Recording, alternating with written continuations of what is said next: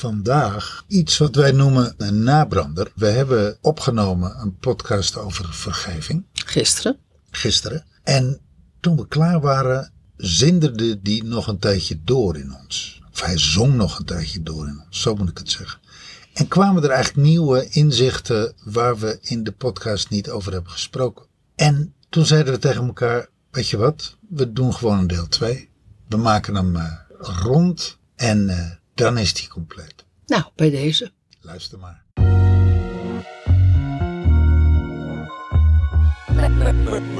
Tell me what's your motive? What's your motive? What's your motive? So tell me what's your motive? What's your motive? What's your motive? Vergeving. De nabrander. De nabrander. Bij mij was de nabrander, ik, ik had dat, gaat heel in, dat is inhoudelijk, had ik een nabrander, komen we straks op, uh, straks op. Maar wat ook een nabrander was, was dat ik voelde dat er voorwaarden zijn voordat je kan vergeven. Er zijn niet voorwaarden om te vergeven, voordat, voordat je dat hoort. Zo van, als jij, als jij niet zus doet, dan kan ik niet vergeven. Niet die voorwaarden, maar voorwaarden om te kunnen vergeven. En dat, is, dat komt eigenlijk neer op dat je bepaald innerlijk werk moet doen voordat je tot vergeving, tot, voordat je met je lijf tot vergeving over kan gaan. Met je lijf. Ja, ja, nou ja, nou ja, Ik, ik, noem het expres zo met, met je lijf, omdat met je kop kan je, um, kan je vrij snel kan je zeggen van ik vergeef je. Nou ja, jij zegt je lijf, ik zeg met je hart en ziel. Ja, ja. Ik, ik, zeg expres live, live, live, omdat, omdat er, um, omdat er in het hele lijf iets gebeurt. En, en, het hele lijf wat niet kan vergeven, zoals je dat in de podcast van gisteren hebt kunnen horen. Daar, daar zit zoveel spanning in dat hele lijf. Niet alleen op het hart, op het, op het hartsniveau.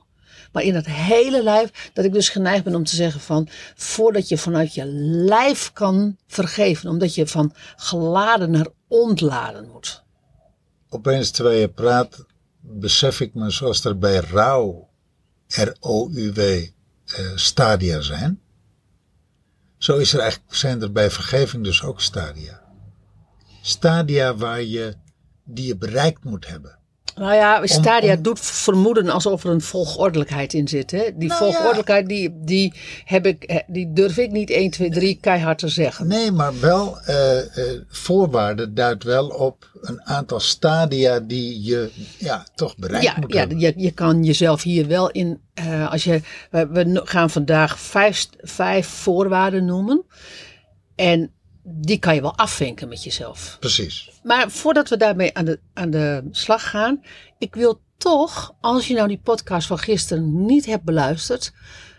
Je kan, ja, die moet je beluisteren. Die moet je echt beluisteren. Die, ik, ik die geef... moet je beluisteren voordat je uh, het volle zeg maar, uh, rendement kunt halen uit deze podcast. Precies. En ik geef toe, hij is een beetje lang. Hij is ook echt veel langer geworden als dat we normaal gesproken met z'n tweetjes podcast. We, uh, interviews doen we vaak nog wel anderhalf uur. Alleen hij ontstond. Dus weet je, geef jezelf die tijd. Helemaal als je een vergevingsissue hebt. Want daar wordt zo ontzettend veel in verteld. Ja, meander maar met ons mee. En, want, want dat is echt wel. Uh, leg jezelf maar in de voorweek. Misschien is dat het wel. Precies. Want, want als je puur naar deze podcast luistert, die, die, nou, die is ook redelijk, die is veel korter en ook redelijk theoretisch.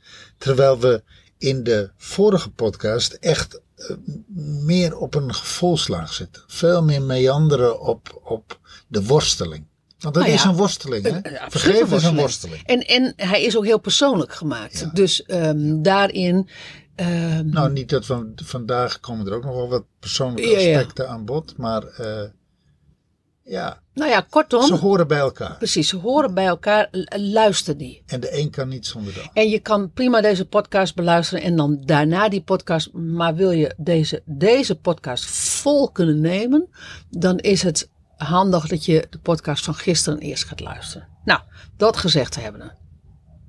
Nummer 1. Ja, in die podcast van gisteren noemde ik dus de transitie van innerlijke onveiligheid naar innerlijke veiligheid. Dat was voor mij de eye-opener in de, positie, eh, in de, in de podcast van gisteren. Je kunt niet vergeven als je in de positie innerlijke onveiligheid staat. Precies. En- Vanuit, vanuit, nee, maar ik- dus ik ga het echt noemen. Ja, Op het moment dat jij staat in, de, in het veld je innerlijk onveilig voelen, ja, dan kun je niet vergeven. Dat, daar heb je de ruimte niet voor. Letterlijk niet. nu zijn er mensen die weten niet wat innerlijke onveiligheid is. En ineens denk ik van, zullen wij die definitie nog eens een keer noemen? Ja, laten we doen. Moet ik er alleen even erbij, erbij zoeken hoor. Just a minute. Ehm, hier heb ik hem. Je ervaart innerlijke onveiligheid als je bewust of onbewust getriggerd wordt in een oude herinnering, in een oud gevoel. En dat gevoel kan uit het verre verleden zijn of uit het recente verleden. Het is echter altijd een echo van iets dat je in het verleden hebt meegemaakt. Het is nooit van het nu. Hoewel je emoties van paniek, woede, angst, freeze enzovoort in het nu gebeuren, is de emotie zelf niet van het nu, maar uit het verleden. Dus innerlijke onveiligheid speelt zich eigenlijk altijd af, niet alleen in je hoofd, maar vooral in je lijf. Ja, en de definitie gaat verder. Het is altijd gerelateerd aan een fysiek of emotionele herinnering waar een pijn, schrik of angstcomponent aan verbonden is. En het is altijd een reactie op jouw interpretatie van de realiteit, jouw interpretatie van wat er is gebeurd. Ja, en wat, we, eh, wat ik me opeens besef, wat we in deze definitie niet noemen, is dat die eh, staat van innerlijke onveiligheid permanent kan zijn. Ja, Die, eh, die, we zien het, we zien het eigenlijk, we komen hier op Bali, dan zien we ze op het strand lopen. Eh, ik heb wel eens het voorbeeld genoemd van een man die, die een bepaalde, in zijn fysiologie een bepaalde manier van lopen had. Wij kijken al maanden met verbazing naar een vrouw die eh, een hoog tempo van wandelen heeft. En je ziet er, eh, ze is altijd alleen. Ze heeft altijd oortjes in, ze heeft altijd muziek opstaan en ze, ze loopt een soort blind monomaan. monomaan gedreven door iets of iemand. Je, Alsof ze helemaal niet in een omgeving zit. nee, je, je ziet gewoon, en die vrouw moet dus per dag, en het ziet er best dwangmatig uit, die moet kilometers maken om um, dat wat haar voortdrijft, als het ware, voor te blijven. Het, het is alsof ze vooruitgeduwd wordt. Letterlijk. Alsof iets, alsof er een onzichtbare kracht is die haar, uh, ja, waar ze letterlijk van weg probeert te lopen. Ja. En uh, dat, is, dat is echt een uitvergroting van innerlijke onveiligheid.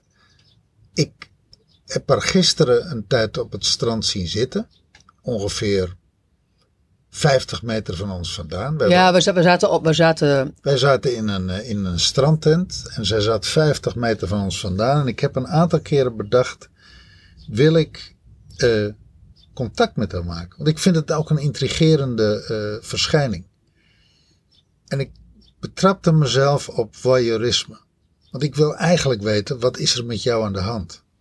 Dus het is eigenlijk een studieobject. Nou, dat is voyeurisme. En dat is, uh, dat, nou, nee. Dat is dat, beroepsdeformatie, ja, maar dat is voyeurisme. Ja. Maar dat mag niet. Nee. Dat, ik mocht dat van mezelf niet. Ik denk van, nou weet je, dat zijn geen integere, uh, dat is niet integer. Nou, het doet ook vermoeden alsof er iets mis met haar is, hè? Nee, dat niet. Ik, er is niks mis met haar, maar ik ben waanzinnig geïntrigeerd. Wat drijft jou zo voort? Nou ja, wij zijn natuurlijk. De kern van ons, ons werk is de actieve transitie maken van innerlijke onveiligheid naar innerlijke veiligheid. Wij gunnen werkelijk iedereen innerlijke veiligheid. Want dat is een staat van zijn. Op het moment dat jij je innerlijk veilig voelt, ehm, word je innerlijk vrij. Komt er zelfliefde, komt er innerlijke rust. Maar alleen als jij innerlijke veiligheid voelt. En, en dat kan alleen als jij een actieve transitie maakt. En dat woord actief is daar wel belangrijk in. Want toevallige transities van innerlijke onveiligheid naar innerlijke veiligheid. Het zal absoluut af en toe uh, voortkomen. Maar dat je echt weet van hoe maak ik die transitie. En, en niet alleen hoe maak ik de transitie, maar dat je ook gaat voelen waar zit mijn innerlijke onveiligheid. Gisteren in de podcast, toen noemde ik het voorbeeld. Het moment dat ik ja zei tegen mijn vorige liefde, toen hij mij verkering vroeg. En ik voelde dat ik dat niet wilde, maar ik zei ja, dat was innerlijke onveiligheid. Dan kan je dat naar die situatie gaan, gaan um, dan kan je dat toedichten aan die situatie. Dat heb ik gisteren ook uitgelegd. Dat ik daar dat niet aan die situatie toedicht. Ik dicht dat toe aan wat er daarvoor in mijn leven plaatsvond. Daar was ik al zo innerlijk onveilig. En vanuit die innerlijke onveiligheid kom je in die fysiologie te zitten. In die, wat ook die definitie ook vertelt. Wij noemen dat geladen fysiologie. Daar kom je in, in die geladen fysiologie. Dat je gewoon dat je met je kop niet meer helder kan zijn en dat, die, dat dat lichaamsgevoel het overneemt. Nou, dat zie je zo overduidelijk bij die, bij die vrouw die op het strand wandelt. Nou ja, wat er dus is, is er is een, op een moment in je leven, en vaak in de jonge jeugd, is er een knop ingedrukt. Ja, ja. Is er een knop ingedrukt, dat, dat vertaalt zich letterlijk in je hele uh, manier van zijn en manier van doen. En, en die, wij noemen dat geladen fysiologie. Dus dat, daar wordt het door een angst, pijn of schrikcomponent, wordt er eigenlijk wordt je fysiologie geladen.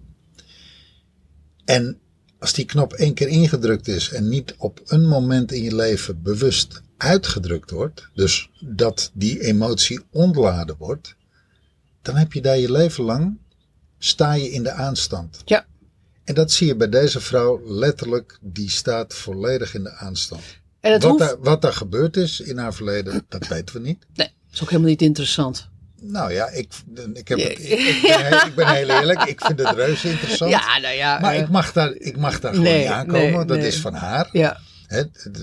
Dat soort voyeurisme, dat ja, mag we, niet. We zijn niet van de fix-it. Nee, maar het is wel jammer, want ik, ik vind daar echt intrigerend. Maar goed, dat is, dat is even los daarvan.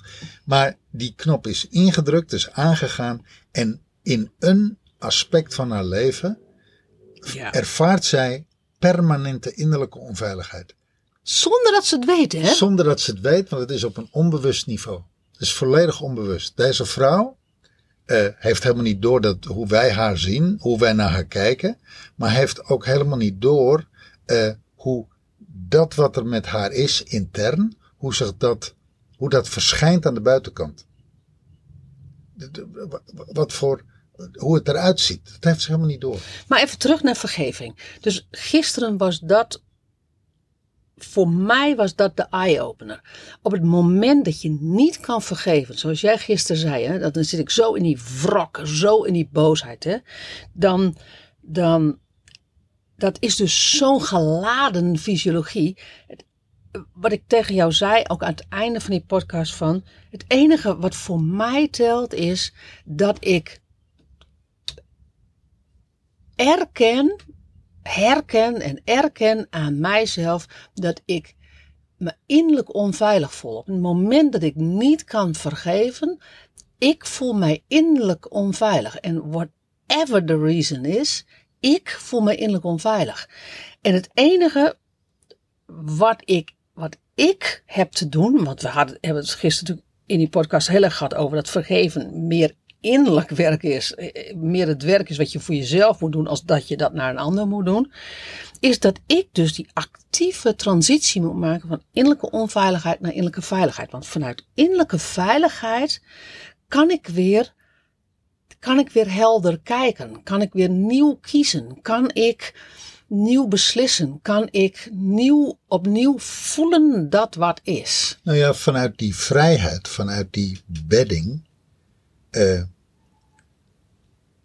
in, laat ik het zo zeggen, dan kan je de vergeving ook dragen. Precies. Want als je precies. je innerlijk onveilig voelt, dan heb je gewoon geen draagkracht. Ja. Om, ja, dat is mooi dat je dat zegt. dan kun je wel, mentaal kun je altijd vergeven. Ja. Vanuit een religieus mentale achtergrond van, weet je, omdat, omdat het moet, omdat het zo hoort. Omdat, en omdat je ook weet dat het zo werkt. Hè? Maar dat echt, geloof me, eh, vergeving op mentaal niveau, dat is, ja, dat is wel een, eh daar gebeurt wel iets, maar echte, diepe, diepe vergeving is een, is een, is een loslaten, is een, Nou ja, we hebben het daar gisteren in de Ja, podcast uitgebreid over gehad. Hoe die energie samengebald is. En, en dat die. Laten, we, laten we die exercitie niet, Niet meer maken, overdoen. Niet, nee. niet weer overdoen. Dus dat is wat mij betreft. nou een recap, korte recap. Precies. Maar dat is wat mij betreft een, een, ehm, een voorwaarde. Mooi. Mooi. Nou, dat is al een, luister, maar dat is al een hele grote voorwaarde. Dat is, dat is een hele grote voorwaarde. Ik, ik kan me voorstellen dat je als je zegt van nou ik herken dat. eh, Ik weet niet precies hoe en wat. Maar ik herken wel ergens dat ik mij innerlijk onveilig voel. En dat ik daardoor eh, niet kan vergeven. En hoe doe ik dat dan? Weet je, ehm, ja, dat is niet waar deze podcast over gaat. Het hoe, het hoe ja, dat doen wij gewoon in, in, onze, in onze coachings. Ja. Een ander deel wat ik tegen jou zei, terwijl wij op het strand aan het wandelen waren. Hé, hey, we hebben het niet gehad over de hart, hart- en zielsdelen terughalen. Ja, en, en dat was van een eye-opener.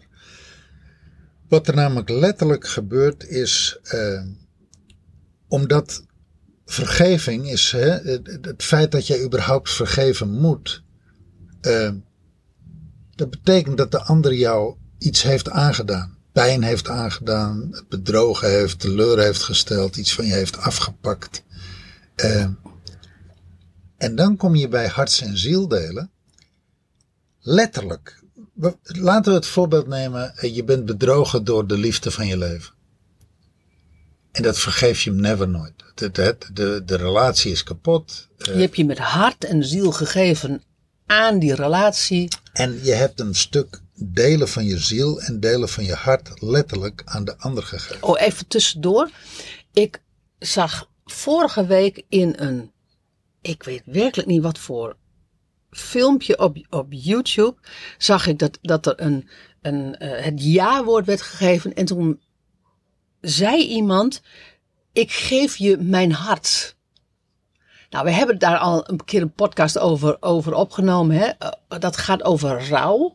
Dus mocht je willen weten eh, welke podcast, het gaat over rouw. En, eh, de, ROUW. ja, ROUW. Wat je nog nooit hebt gehoord over rouw. En, maar letterlijk kwam die zin langs, ik geef je mijn hele hart.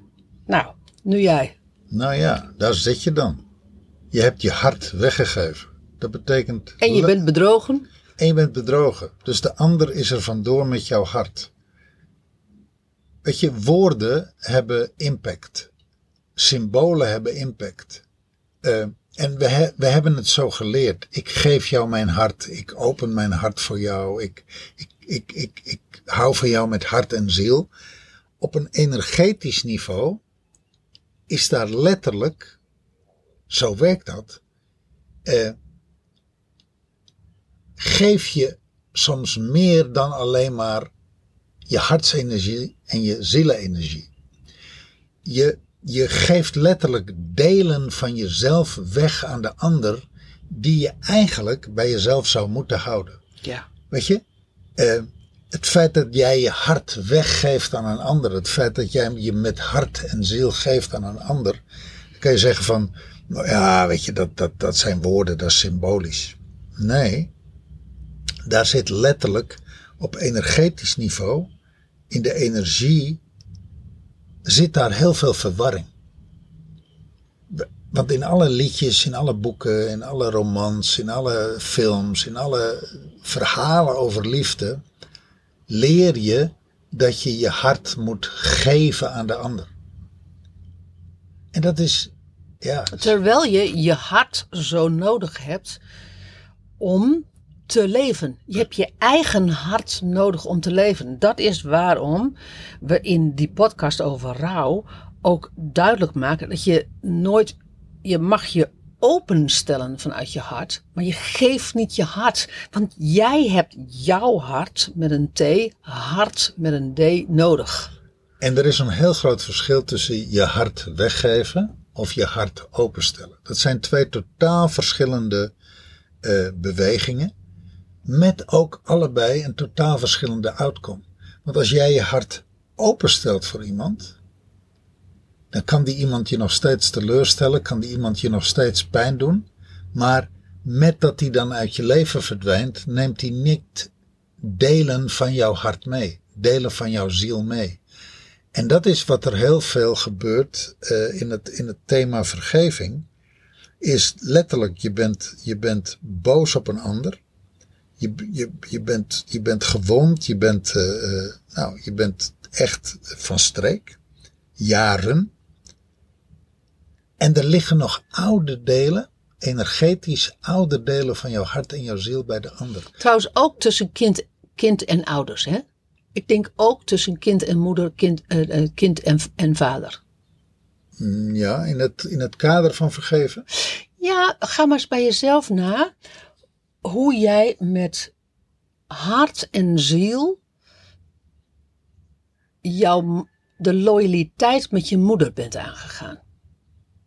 Oh ja. Nee, ik, ik wil hem e- ook even naar dat stuk ook even brengen. Want de, want de scheiding ehm, is, is, wel, is, is wel duidelijk. Maar ook de kind-ouder-relaties. Daar zitten ook hart- en zielrelaties. Ja. Weet je, eh, dat is echt een thema in het thema vergeven. Is voordat dat thema vergeven tussen jou en de ander ontstond, ga het maar na, is er vaak een hele sterke, krachtige verbinding geweest. Die heel veel te maken heeft met de mate waarin jij je aan de ander hebt gegeven. Ja. Of de mate waarin jij je Ja. aan de ander hebt verbonden. De- Of de mate waarin jij je aan een project hebt gegeven of aan een project hebt verbonden. De, de, de, de, de prinsesjes van papa hebben allemaal een, vanuit die verstrikte relatie hebben ze allemaal harts- en zielsdelen verbonden aan, aan, aan papa.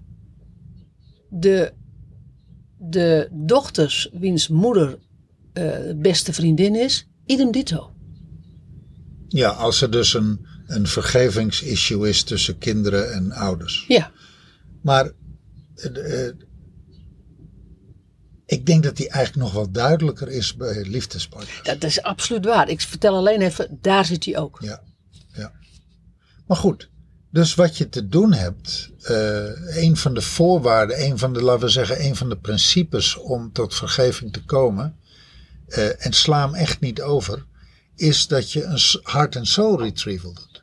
Op die delen van jouw hart en jouw ziel, die je mee hebt gegeven aan de ander, dat je die letterlijk Terughaalt. terughaalt. Ja, En dat is, dat is niet symbolisch, dat is echt letterlijk, Ja. energetisch. Ja. En daar zijn rituelen voor. Nou, Ja. wij, wij werken daarmee met onze klanten. Ja, ja, maar dat is dus een. Die voorwaarden, dat, daar kwam ik dus ehm, achter na die podcast van gisteren. Ik dacht van hé, hey, Hadden we, die, ons, hadden we ons niet gerealiseerd. precies, die, die kwam dus langs. Ja.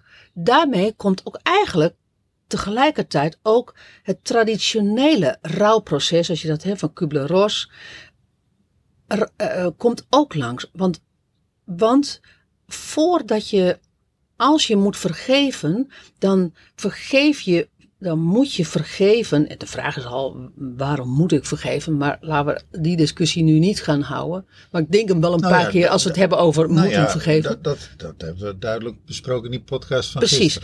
Ehm, dan ben je iets kwijtgeraakt. I- In vergeven zit altijd dat aspect van je bent iets kwijtgeraakt. En dat neem je de ander kwalijk. Het fenomeen je bent iets kwijtgeraakt gaat over rouw.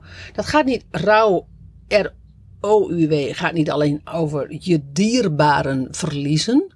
of eh, als ze overleden zijn, maar ook je dierbaren verliezen als jij, als, je, als ze uit je leven gaan. Iets verliezen als het uit je leven gaat. Dus, er, dus het is, dat is ook waarom dat rouwspecialisten zich vaak rouw- en verlies ehm, specialisten noemen. Het gaat over rouw- en verlieskunde. Dus dat wat heeft geleid tot, Tot- tot, dat jij nu eh, de ander of iets of iemand moet vergeven, Ja. dat gaat gepaard met verlies. Precies. En Daar in, gaat verlies aan vooraf. gaat verliezen aan vooraf. Ja, dat is mooi. Ja. En daar in, in, die, in de, die cyclus eh, gaat het over in eerste instantie ontkenning. Dan ga je van ontkenning ga je naar protest en boosheid. Dan ga je vervolgens ga je naar onderhandelen en vechten. Dan ga je, kom je vervolgens in de fase van verdriet en depressie. En die vijfde fase is aanvaarding. Maar Zo- zeg jij, dan, zeg jij dan op het moment dat je bij die vijfde fase aanvaarding bent, dat je dan ook dicht bij vergeving bent? Of heeft dat niks met elkaar te Nou maken? ja, nee, de, in, bij die fase van aan- aanvaarding, dat gaat over de berusting van, ehm, Het is zo. van dat het is zoals het is. Ja, het is zo. Het is gebeurd. Precies. Het is mij overkomen. En waarom noem ik even die vijf fasen? Want dat, Dus dat heeft op zich, op zich nog niks te maken met vergeving. nee, het. Ja. Het gaat- We hebben het nog steeds over voorwaarden. Maar het is wel interessant om, als je namelijk naar die vijf stadia van, van, van rouw kijkt, is dat je ziet van waar zit ik? Zit ik, nog zit ik in de fase van ontkenning? Ja, weet je, als je in de fase van ontkenning zit, dan kan je niet vergeven. Nee. Want je zit in de fase van ontkenning. Ja, het is ook wel, zit je in de fase van boosheid, ja, dan kan je niet vergeven.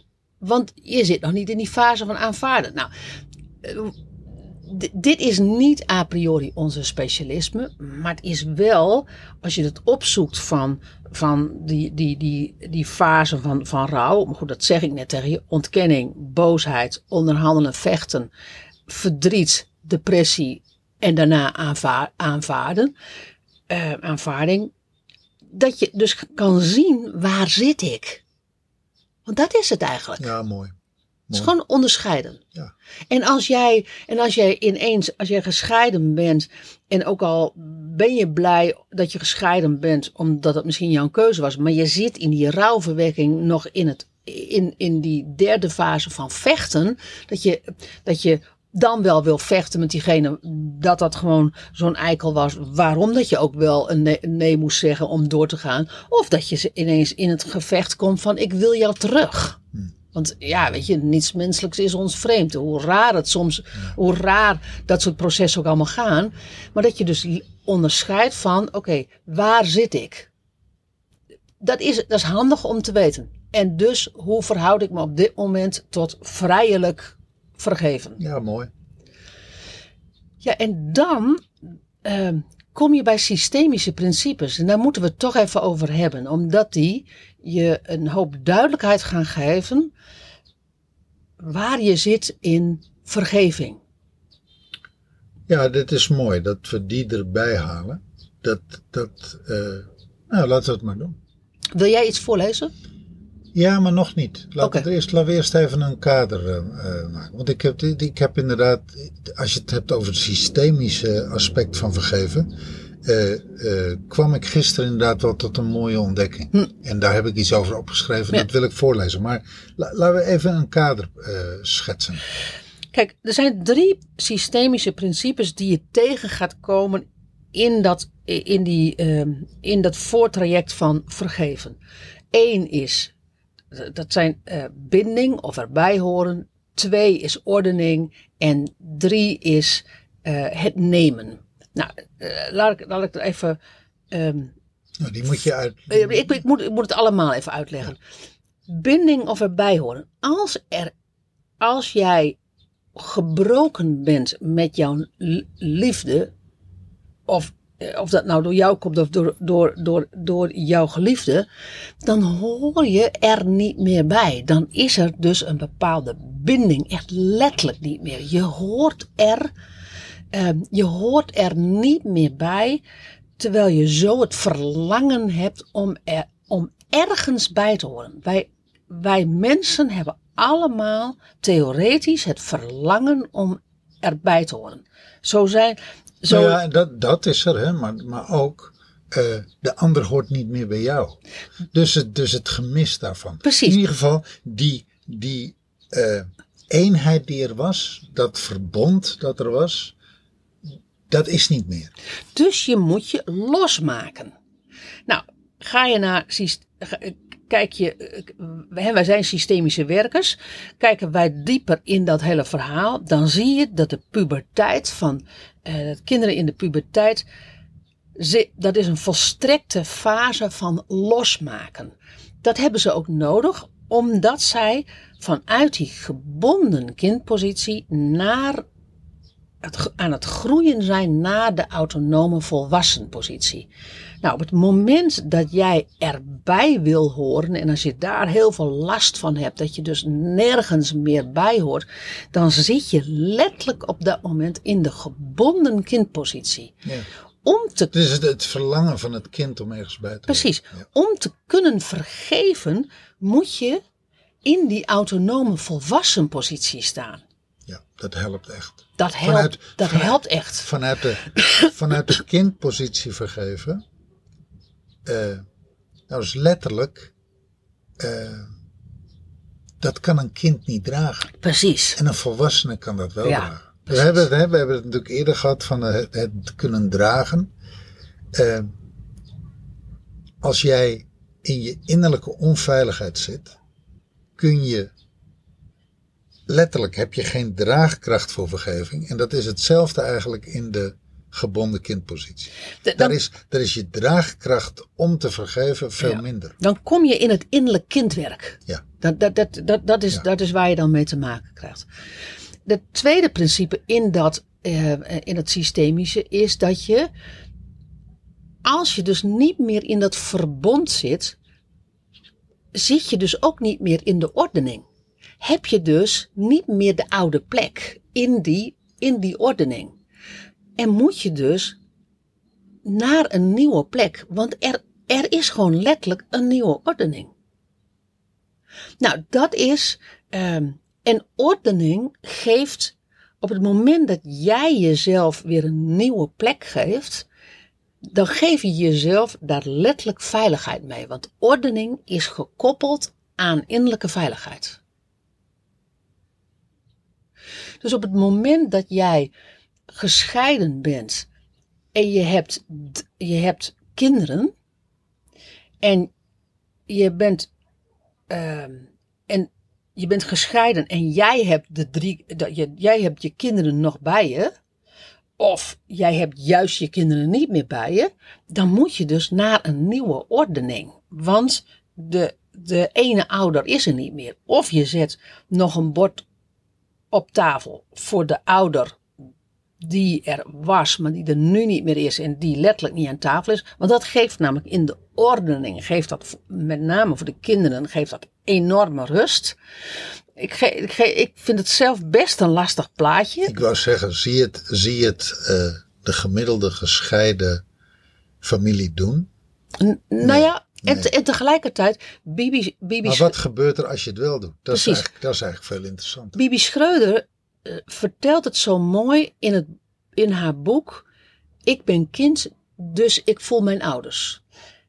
En zij, zij Ik voel mijn ouders, dus ik ben kind. Nee, dat nee, ik ben kind, dus ik voel mijn ouders. Ja, mooi. En zij beschrijft dat daar zo mooi in, wat ordening dus doet.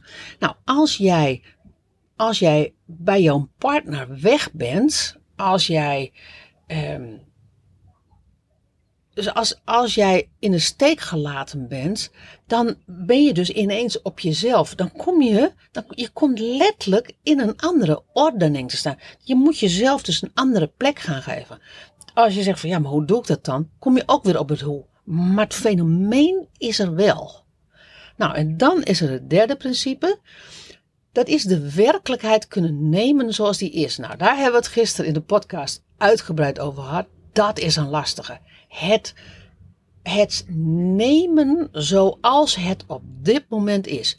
Bibi vertelt er in haar boek. eh, die heeft één quote en die wil ik even voorlezen. Oordelen geven de illu- illusie dat je een situatie kan veranderen door die af te wijzen. Maar de verandering begint met de situatie te nemen zoals die is. Voor jij kan vergeven, moet je de situatie nemen zoals die is. Dat is echt een klus. Dat is een klus. We hebben het daar Nou ja, dat is, dat is misschien wel de, de grootste klus in het, het thema ver- vergeven. We hebben het daar uitgebreid over gehad in, het, in de podcast waarin wij een interview hadden met Bibi over, over haar boek. Zijn we, eh, zijn we in het begin van die podcast zijn we uitgebreid hebben we stilgestaan bij, bij, het, eh, bij de beweging nemen en geven. En met name het nemen van het leven, het nemen van dat wat is. En eh, Bibi heeft daar prachtig over verteld. Kan je ook, kan je ook gaan luisteren. Maar hij is belangrijk, want het is wat het is. Absoluut. Nou, daar hebben we in de podcast van gisteren hebben we daar ook een beetje over lopen kwarrelen. Hè? Hebben we een beetje over. Ja, het- "Eh, dat het dat, was dat een- schuurt het, was, gewoon. het was een onderzoek. ja. Het, het- ik heb, gisteravond heb ik eh, eh, een stuk werk gedaan op het thema vergeving. Hè, Ik, vertelde, de, de, zeg maar, die hele podcast van, van gisteren was aanleiding.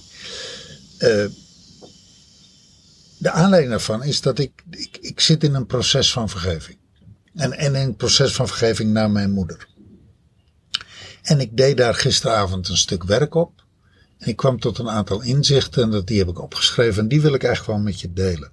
Ook om je te laten zien eh, de systemische eh, achtergrond van vergeving. Ja.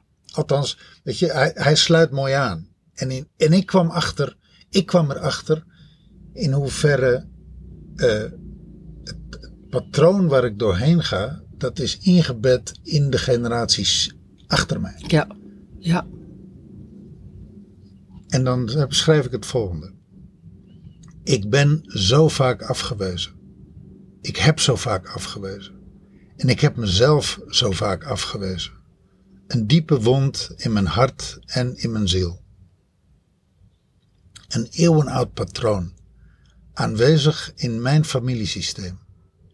Generaties en generaties oud.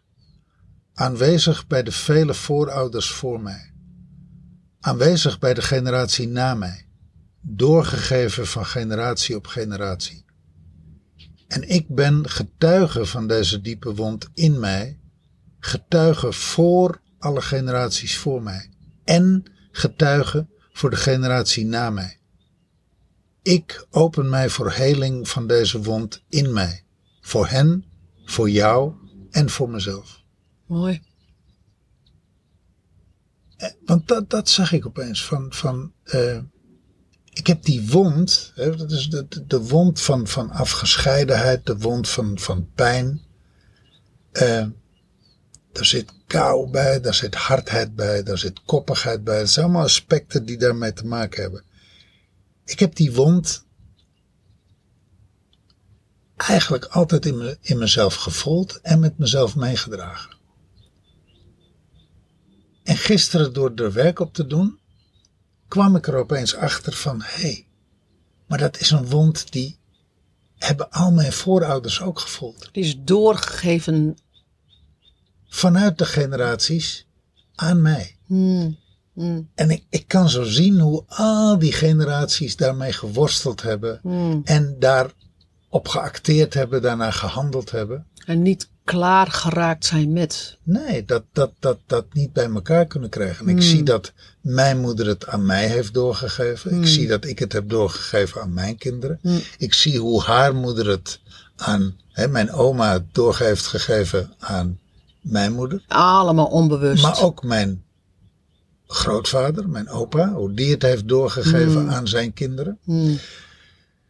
Dus al die generaties die hebben, die hebben geworsteld met die afwijzing. Hmm. Ik ben afgewezen. Ik heb afgewezen.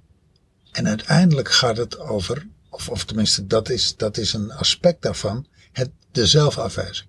Nou ja, daar De, kwamen we de, tot- zelf, de, zeg maar de zelfhaat. Daar kwamen we natuurlijk gisteren ook op in die, in die podcast. Ik ben zo vaak afgewezen. Maar ik heb mezelf ook zo vaak afgewezen. Ja. En wat je feitelijk ziet. Hebben we het gisteren over slachtoffer en dader gehad? Weet ik even zo niet. Nou, wij hebben het er wel over gehad, maar ik weet niet of we het erover gehad hebben in de podcast. Maar je bent slachtoffer, zeg maar, in dat stuk waarin je bent afgewezen. En wat, je, wat er heel vaak gewoon systemisch gebeurt, is dat je daarmee ook dader wordt en dat je de ander afwijst. Ja. Wat je zo mooi beschrijft is, ik ben zo vaak afgewezen, ik heb zo vaak afgewezen en ik heb mijzelf zo vaak afgewezen. Ja. Ja. De- Daar, daar, zit, daar zit eigenlijk daar zit slachtofferschap en daderschap in één in. Maar de kern om ermee aan de slag te gaan is wat je, wat je aan het eind schrijft is ik open mij voor heling van deze wond in mij.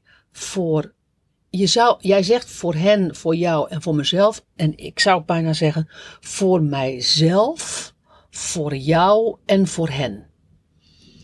Ja, maar waar ik mee, ja, dat snap ik wel. Dat, tuurlijk, die, kan, die, die volgorde mag anders. Maar waar ik zo achter kwam, en daarom heb ik deze volgorde Ja, ja. gekozen.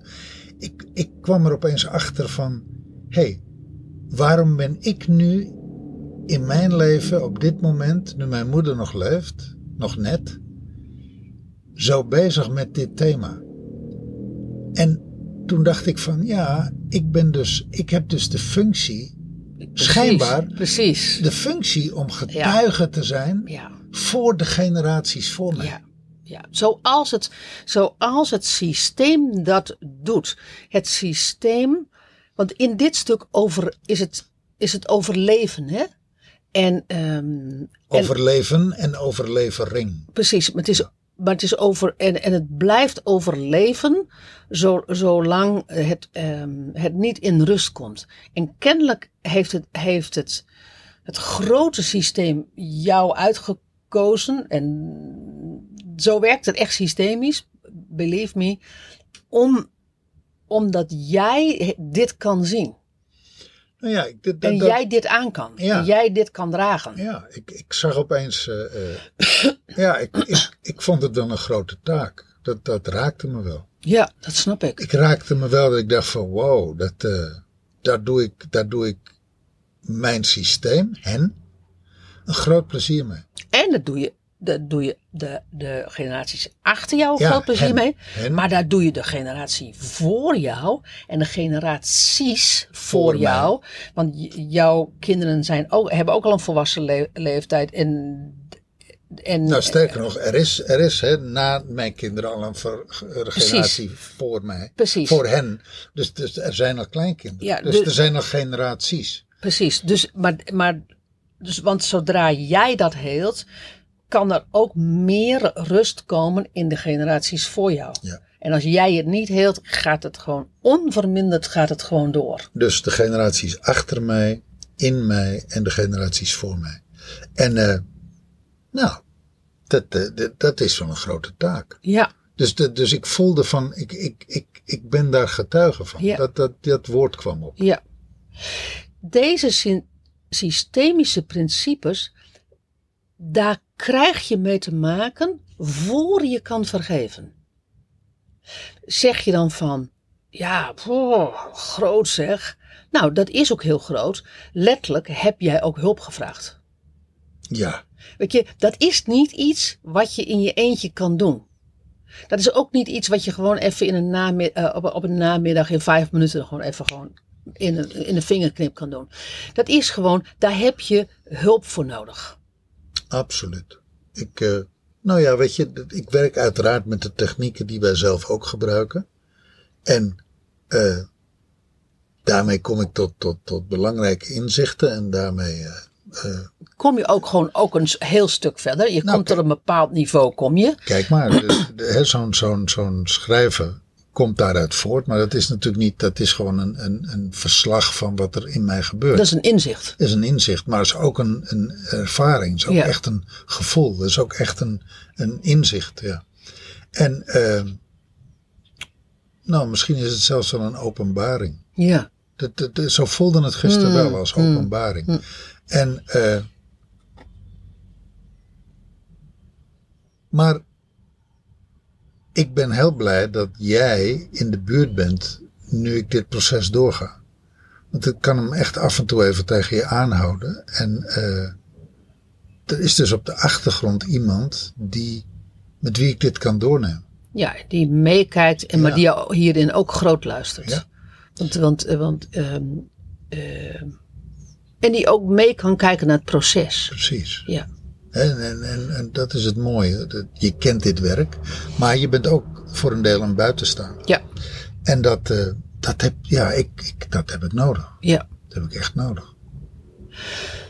Dat was de vierde voorwaarde. Vijfde voorwaarde is het helen van je geladen emoties en de geladen herinnering. Waar is het pijltje? Hier is het pijltje. Ja. ehm, in die. We hebben het daar natuurlijk al een stukje over gehad. En we hebben het daar bijna in iedere podcast over. Maar weet je, als je moet vergeven. En we hebben het daar gisteren ook in de podcast over gehad. Die samengebalde energie die er is. En waar, waar, de, waar de stromende energie omheen gaat. Maar die klont die in je lijf zit in de, in de fysiologie zit, ja, die moet zeg maar verpulverd. Ik zou bijna zeggen, het woord, ik zie het beeld verpulverd. Die moet va- van geladen naar ontladen. Dat is, dat is geen, dat is geen, daar kom je niet mee met je intellect. Nou ja, weet je wat het is? Die, die, dat eerste principe, hè, wat we hebben gezegd van... De, Die transitie. De, actieve transitie van innerlijke onveilig, onveiligheid naar innerlijke veiligheid. En die vijfde, het hele van je geladen emoties en herinnering. Die zijn al ge- gelinkt. Die zijn, dat is echt, dit is, dit is, dit is, eh, eigenlijk is het 1A en 1B. Ja, maar ik heb hem apart benoemd. Waarom?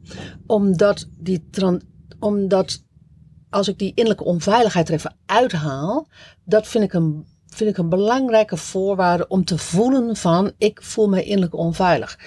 En, die, en het helen van jouw geladen emoties en jouw geladen herinneringen, dat is ook een bewustwording die, van, die belangrijk is. Dat je dat dus moet helen. Weet je wat er, eh, wat er is? Dat je van geladen naar ontladen moet. Ja, ja, en weet je waar, waar dat over gaat? Eh, geladen emotie en geladen herinnering heeft ook heel erg te maken met interpretatie. Dus er is jou iets overkomen, er is jou iets aangedaan, je hebt iets meegemaakt, maar eh, hoe je daarnaar kijkt, hoe je dat hebt ervaren, hoe je dat hebt beleefd, eh, en wat er feitelijk is gebeurd, zijn vaak twee werelden. Ja. Er is, er is dus zeg maar, het gaat altijd door het filter van jouw luisteren. En door het filter van jouw voelen. En door het filter van jouw ervaren en denken. En daar zit interpretatie. En dat roept wat op. Dat, dat zet zich vast. Dat, Daar zit ook het gelijk hebben. daar zit ook het gelijk hebben. En eh, tussen dat wat er sec feitelijk is gebeurd. En dat wat jij hebt ervaren en wa- wat jij eraan hebt opgelopen. Daar zit vaak een discrepantie, daar zit vaak een verschil tussen. En door die emoties en die herinnering want die zijn geladen, omdat je er iets aan hebt opgelopen. Hè, een pijnmoment, een schrikmoment, een, een, een Angstmoment. angstmoment. Door die eraf te halen, door die te ontladen, En Kom vanuit je- je fysiologie, hè? ja, kom je eigenlijk in de neutraliteit. En kan je eigenlijk vanuit neutraliteit kijken, letterlijk vanuit een nulstand. Maar wat is er nou eigenlijk gebeurd? Ja. Wij zijn, wij zijn ooit in 2005, eh, hebben Hildar en ik best wel zakelijk iets meegemaakt. Waar we jaren last van hebben gehad. Het- gevoel van belazen te zijn, bedonderd te zijn. Eh, en dat ging over veel geld. Dat ging over, ook, ook over het verlies van een dierbaar bedrijf. Eh, daar hebben we emotioneel jaren last van gehad. Maar voor een groot deel ook omdat we vasthielden aan de boosheid over wat ons was overkomen. Wat wij vonden dat ons was aangedaan. Wat wij vonden dat ons was overkomen. En soms ook echt letterlijk in de werkelijkheid. Ja, maar, maar ook vooral Ja, wat wij voor, vonden. voor, een deel, voor een deel ook boos. En dat zit natuurlijk ook in vergeven. Boos over wat je zelf niet hebt gedaan of wel hebt gedaan. Of Ja. hebt nagelaten Ja. of niet hebt nagelaten. Eh, dus dat, weet je, als je vanuit neutraliteit, vanuit een, een, soort neutraal stand opnieuw kijkt, maar wat is er nou eigenlijk gebeurd? Wat is er nou feitelijk gebeurd? Dan zul je zien dat op het moment dat die emoties loslaten en zich ontladen en je daarin ontspant, dat er ook meteen veel meer ruimte komt. En dat je zegt, oh ja, ja. Dus weet je, los van wat de ander mij heeft aangedaan, ik heb er zelf ook aandeel in gehad. Want ik Precies. heb er op een bepaalde manier op gereageerd, of ik heb op een bepaalde manier niet gereageerd. Ja. Ik heb iets nagelaten. Wat niet wil zeggen, zoals we het gisteren in de podcast ook zeiden, dat dat wat is, dat dat niet meer benoemd mag worden en dat dat niet meer erkend mag worden. Dat wat is, is gewoon wat is. Maar dat is iets anders dan wat jij daarover gevoeld hebt en van waaruit jij geacteerd hebt. Dat is daar, over dat stuk, eh, dat laatste stuk, daar hebben we het over. Nou, dit eh, was een, eh, een behoorlijke nabrander. Deel 2. Zoals het soms gaat met nabranden. Het is, het is, het is nou ja, dus- ik, ik, ik wil eigenlijk het hele woord nabrander laten, laten vallen. Dit is gewoon deel 2. dit, is, dit, Dit is, is een verdiepingsdeel dit is een verdiepingsdeel, en een verhelderingsdeel. precies. En ehm, nou ja, vergeven is nogal een emotioneel onderwerp. Het is een groot thema. Dat is een groot thema. en Had ik me niet zo bewust, En is een was me niet zo bewust van Nee, hoor. dat begrijp ik. Ik ook niet. Maar het is een groot thema in, in, in menig mensenleven. Ja, en, en ook voor onze klanten. Dus, eh, en we zien het ook altijd. Ja. ja. Nou, dat was deel 2. Ja. Vond je dat nou een eh, mooi deel? Heb je het nou herkend? Zeg je van wow, dit gaat over mij of wow, dit gaat over mijn vriendin of wow, dit gaat over whoever, you know. Deel die podcast, deel hem. Laat anderen eh, weten dat hij er is. Maak anderen opmerkzaam. En eh, ja, we behandelen onderwerp die, onderwerpen die iedereen raken en iedereen aangaan. En mocht je nou hiermee zitten en je, en je denkt van, hoe kom ik hieruit? Neem dan contact met ons op.